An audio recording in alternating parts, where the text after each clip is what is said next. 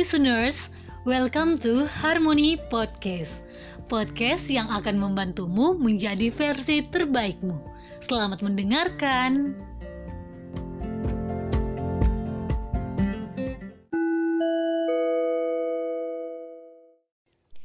Halo Sobat Harmoni, saat ini teman-teman sedang mendengarkan Harmoni Podcast episode ketiga. Nah, mungkin kita semua saat ini merasakan kalau uh, hidup kita di hari ini memerlukan persiapan yang lebih dibandingkan hari-hari kita sebelumnya. Saat ini pilihan-pilihan yang kita ambil, kemudian resiko yang kita terima dari pilihan tersebut menuntun kita untuk mempersiapkan diri dan juga mental kita lebih dari diri kita juga yang sebelumnya. Seperti itu. Nah, untuk kali ini Harmoni Perempuan membahas terkait dengan mental struggle. Di mana di obrolan kita kali ini saya tidak akan sendiri karena saya akan ditemani oleh salah satu co-founder dari Harmoni Perempuan yang juga merupakan perempuan yang cukup aktif di beberapa kegiatan di luar ada banyak sekali kegiatannya. Nah, untuk kali ini saya akan ditemani oleh Nurul Lutfia Ramadhani. Isu-isu terkait dengan mentality juga banyak dibahas oleh beberapa platform di sosial media dan juga uh, banyak yang membahas di uh, belakangan ini. Karena memang uh, kondisi saat ini ada pandemi dan sebagainya mengharuskan kita untuk lebih mempersiapkan mental kita secara baik. Nah, terkait dengan mentality ini sendiri, uh, saya pernah membaca salah satu tulisan yang dipublish uh, oleh WHO. Katanya uh, mental health itu sebenarnya bukan uh, kondisi di mana yang menyatakan seseorang itu sakit. Jadi tidak ada uh, pengklasifikasian bahwa orang itu dikatakan sakit mental, tapi yang ada hanya gangguan mental. Nah, orang-orang yang uh, bisa dikatakan sehat secara mental adalah mereka yang uh, bisa tetap aktif, kemudian bisa tetap produktif, bisa tetap berkontribusi. Nah, kalau kita melihat uh, kondisi ini berarti mentality ini sangat mempengaruhi kegiatan kita setiap harinya. Nah, saya mau tanya-tanya nih sama Lutfia. Uh, Lutfia kan ada banyak sekali kesibukannya uh, aktif di beberapa organisasi selain Harmoni Perempuan, kemudian menjadi brand ambassador kampus juga. Nah, menurut Lutfia sendiri uh, seberapa penting sih uh, mentality ini kita persiapkan dengan baik dan bagaimana pengaruhnya ke aktivitas kita sehari-harinya. Gimana? Oke. Coba Lutfia gimana? Uh, terima kasih. Saya juga mau membenarkan yang Kak Niar tadi katakan bahwa akhir-akhir ini banyak yang sering menggaungkan tentang kesehatan mental atau obat yang berkaitan dengan mental. Semua uh, influencer-influencer, youtuber-youtuber ikut menggaungkan uh, tentang mental. Karena memang uh, hal yang berkaitan berkaitan dengan mentality itu sangat penting. Menurut aku, kekuatan mental itu berkaitan dengan uh, karakter masing-masing orang, di mana kekuatan mental adalah suatu kemampuan seseorang untuk uh, mengatasi emosi-emosi negatif dengan cara yang sehat atau dapat mengontrol emosi yang keluar dari diri sendiri dengan cara-cara yang baik. Eh, orang-orang uh, yang memiliki mental kuat kemudian akan bertahan, akan uh, bersedia menjadi rentan di kondisi yang mungkin tidak baik-baik saja dan uh, mampu untuk merangkul kelemahannya. Kalau menurut aku kehidupan adalah sebuah tempat atau sebuah proses uh, mempengaruhi atau dipengaruhi. Nah, kemudian seberapa penting kekuatan mental dalam kehidupanku sehari-hari? Kalau menurut aku sih sangat penting, di mana uh, keadaan mental seseorang itu berpengaruh terhadap action seseorang juga. Jadi uh, kekuatan mental itu yang uh, nantinya kita butuhkan agar di dalam kehidupan sehari-hari itu uh, kita bisa melewatinya dengan lebih mudah, uh, tidak mudah terpengaruh dengan stres yang kita dapat dari kehidupan sehari-hari, uh, dan juga tidak mudah terbawa arus dan bisa lebih produktif dalam menjalani keseharian. Seperti yang Kak Niar mention tadi bahwa uh, kondisi di mana mental seseorang bagus yaitu ketika uh, mereka mampu menjadi lebih produktif dan berkontribusi terhadap masyarakat. Hmm. Kalau aku sih gitu kan ya. Iya, betul sekali. Aku juga sependapat karena uh, data-data yang ada sebenarnya itu dan beberapa tulisan tulisan-tulisan terkait dengan mental health, mereka juga menyampaikan kalau sebenarnya mental itu atau mungkin uh, yang terkait dengan isu mental itu bukan penyakit, iya, tapi dia lebih kepada gangguan. Iya. Gitu. Nah, kalau dari yang Lutfia tadi uh, sampaikan sih, aku sih menanggapinya bahwa uh, mental itu menjadi kunci utama. Jadi uh, kita bisa maju ke step berikutnya ketika power kita dari segi mental itu bagus. Iya benar. Ya, Lutfia, ya? Iya benar banget kak. Nah, tapi kan uh, sehari-hari ini kita nggak hidup sendiri ya, kita makhluk sosial. Ada banyak sekali elemen-elemen yang di luar dari diri kita sendiri yang juga mempengaruhi kadang. Nah, kira-kira uh, kalau dari Lutfia nih, uh, kapan sih orang bisa dikatakan mentalnya itu down atau mungkin dia kayak tiba-tiba merasa uh, kayaknya untuk melakukan ini saya kurang bisa deh. Nah, kira-kira di di situasi yang seperti apa menurut Lutfia seseorang bisa me merasakan hal seperti itu? Oke kak, uh, sebelumnya uh, Kaniar yang Kaniar katakan tadi bahwa uh, yang berhubungan dengan mental itu tidak bisa dikatakan sebagai penyakit atau lebih kepada gangguan.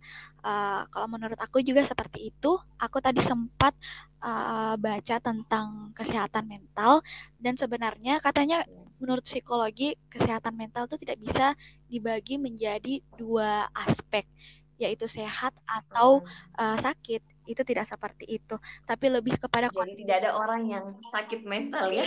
Benar kak. Lebih kepada kontinum.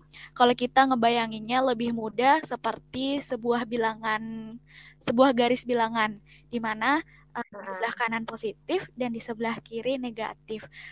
Terkadang keadaan seseorang condong ke uh, kondisi mentalnya condong ke arah yang positif tersebut, namun bisa saja hmm. di hari esok kondisi mental kita bisa condong ke uh, negatif. Negatif. Ya. Hmm. Nah, uh, kalau menurut uh, aku pribadi, hal yang bisa membuat mental kita down atau kekuatan mental kita turun itu ada dua aspek atau dua faktor.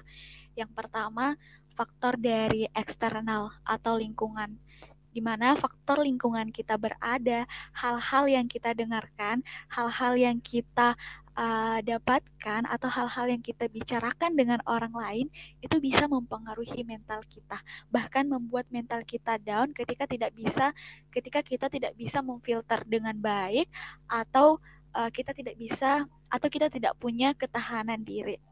Contoh nih kak, uh, tadi sempat disebutin profesi aku keseharian itu sebagai uh, brand ambassador kampus dari Wardah. Nah, uh, contohnya ketika aku ngupload satu konten uh, sebagai tugas aku di brand ambassador, nah ketika ada seseorang yang memberikan komentar uh, negatif, di sini tanda kutip bukan negatif yang sarkasme langsung ngatain, ya. uh, uh, tapi uh, arahnya lebih kurang uh, uh, kurang kurang sependapat dengan diriku. Nah, itu bisa membuat mental aku down. Itu bisa membuat wah uh, aku tidak membuat konten ini dengan baik atau uh, aku yeah. tidak bisa memuaskan semua orang dengan konten yang aku punya gitu kak itu salah satu yang bisa membuat mental kita down dengan perkataan-perkataan dari orang lain itu kalau dari contoh dari media sosial dan bisa saja kita bisa uh, dapatkan perkataan-perkataan itu uh, secara langsung mungkin ketika bertemu dengan teman uh, dan teman kita hmm. tanpa menyadari mengatakan perkataan yang mengomentari keadaan tubuh atau keadaan diri kita yang mungkin uh, pada saat itu juga kita langsung kayak gimana ya membuat mental kita langsung tiba-tiba yeah. langsung menurunkan gitu ya. ya langsung menurunkan uh, rasa kurang percaya diri pada diri kita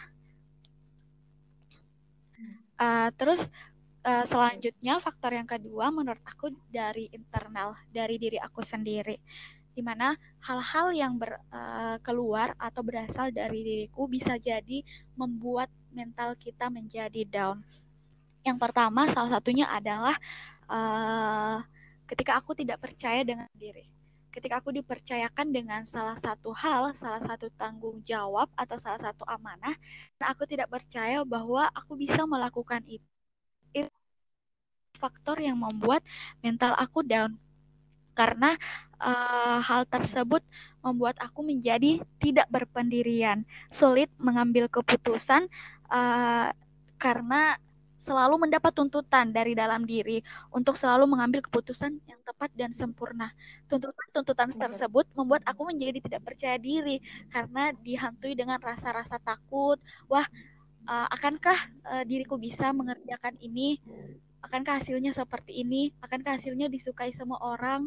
Hal-hal seperti itu yang bisa membuat mental kita down.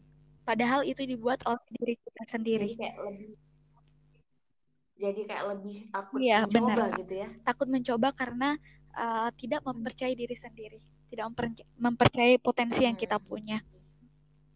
Uh, kemudian uh, hal lainnya adalah kita selalu menuntut bahwa apa yang kita lakukan itu harus disenangi orang lain, harus memuaskan atau harus sesuai dengan selera orang lain. Padahal kita makhluk sosial dan mempunyai selera yang berbeda-beda.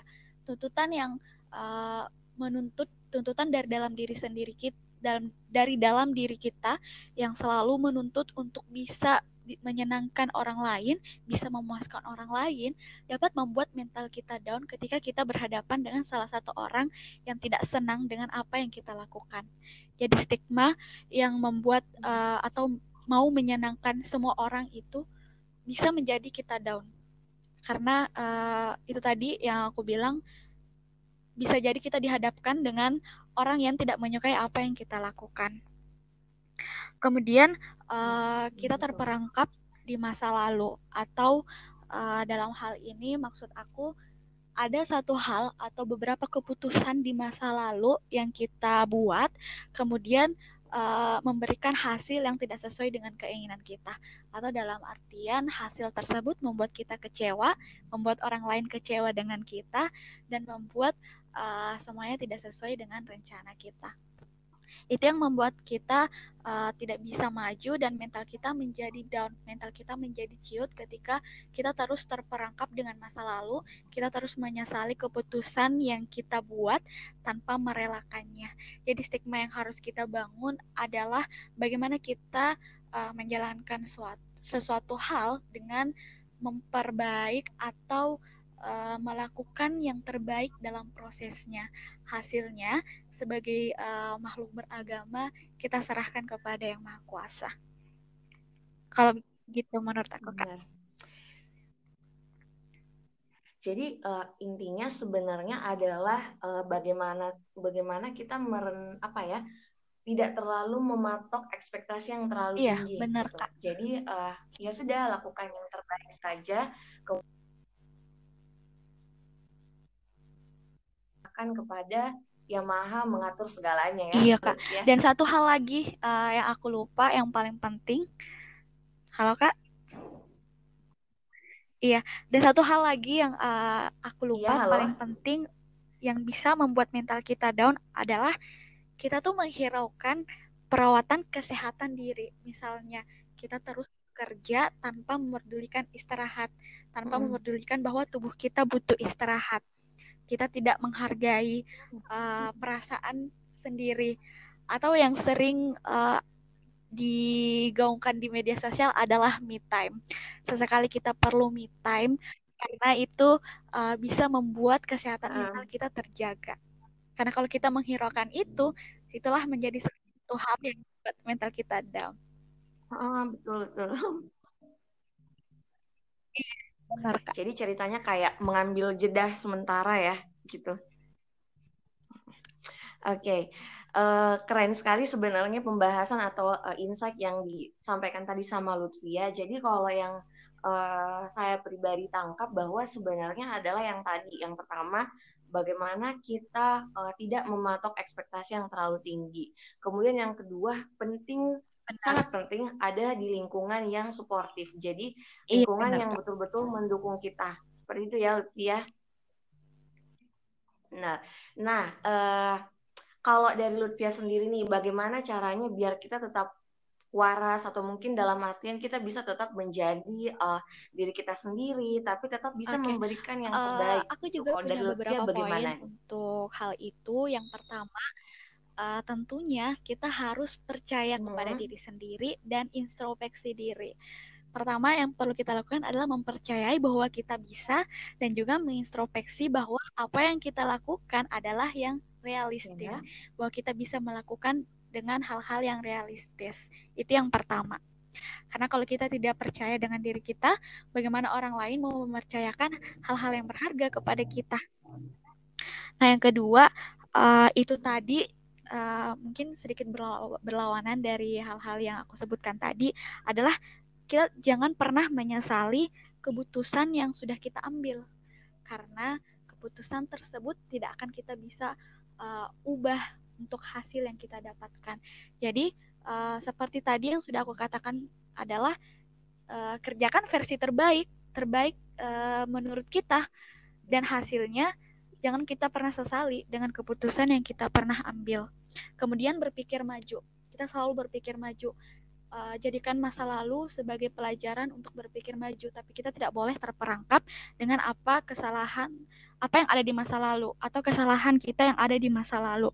Kemudian itu tadi yang Kak Niar bilang selalu berada di lingkungan yang positif, lingkungan yang suportif, lingkungan yang selalu mendukung kita, lingkungan yang bisa uh, mungkin uh, mengangkat atau menarik tangan kita ketika kita down dan lingkungan yang uh, bersedia menerima keluhan-keluhan kita ketika mungkin berada di dalam suatu masalah dan lingkungan yang bisa uh, memberikan kita solusi-solusi terhadap masalah yang kita punya. Kemudian kritis. Uh, dalam kondisi yang seperti sekarang Kak yang Kak Niar tadi bilang sedang tidak baik-baik saja untuk mental kita, kita harus kritis hmm. untuk membaca di media sosial. Karena di media sosial itu banyak hoax. Uh, ada yang katakan inilah yeah. bumi tinggal tujuh tahun lagi waktunya corona ini uh, Indonesia mengalami resesi kalau kita semua menyari uh, kalau kita semua menerima itu tanpa saringan maka itu bisa merusak mental jadi kalau aku sih uh, kritis untuk menerima suatu informasi jangan termakan hoax kalau uh, kalau saran dari aku kalau sudah muak dengan apa yang diberitakan media hindari atau jangan membaca hal-hal yang bisa membuat mental kita down di media sosial. Kemudian yang terakhir adalah it's okay to not be iya. okay. Ya, satu bahwa ya, uh, dalam sekali. hal wajar jika kita merasa tidak baik-baik saja. Terlepas dari uh, apa yang aku katakan sebelumnya bahwa kita harus percaya diri, tidak menyesali uh, keputusan diri kita, berpikir maju, berada di lingkungan positif. Terlepas dari itu, it's okay to not be okay. Uh, mungkin sometimes kita butuh waktu untuk menangis, sometimes kita butuh waktu untuk bersedih, itu tidak apa-apa. Itu adalah salah satu yang membuat mental kita juga terjaga, kesehatan mental kita juga terjaga, menjaga kekuatan mental kita untuk tidak down. Maka dari itu kita butuh lingkungan yang positif ketika berada, ketika sedang merasa tidak baik-baik saja. Jadi uh, untuk menjadi baik-baik saja secara terus-menerus itu juga tidak baik. Hal wajar jika kita sesekali merasa tidak baik-baik saja, asal jangan selalu uh, jangan terus-terus berlarut dengan keadaan tidak baik-baik saja. Dalam kondisi tertentu boleh merasakan bahwa kita sedang tidak baik-baik saja dan uh, berlari berlari atau uh, berjalan ke lingkungan yang positif tersebut untuk membuat kita bangkit kembali. Itu kalau dari aku, Kak. Okay, it's okay not to be okay. Jadi katanya kita nggak mesti Benar, harus Kak. jadi uh, makhluk sempurna ya, karena memang kita diciptakan dengan ketidaksempurnaan iya. kita. Oke, okay, Lutfia, terima kasih banyak. Uh, sangat insightful sekali obrolan kita di siang hari menjelang sore ini. Uh, semoga juga bisa bermanfaat untuk teman-teman yang mendengarkan. Kalau misalnya ada salah-salah kata dari saya pribadi yeah. dan juga mungkin dari Lutfia, kami mohon maaf karena kayak tadi yang dikatakan sama Lutfia, gitu kita tidak bisa memuaskan semua orang Benar. dengan apa yang kita Benar, lakukan ya, kayak gitu ya Lutfia. Oke, teman-teman semuanya, terima kasih. Ya, terima Selamat kasih. mendengarkan. Bye bye, Kak. Bye bye, Lutfia.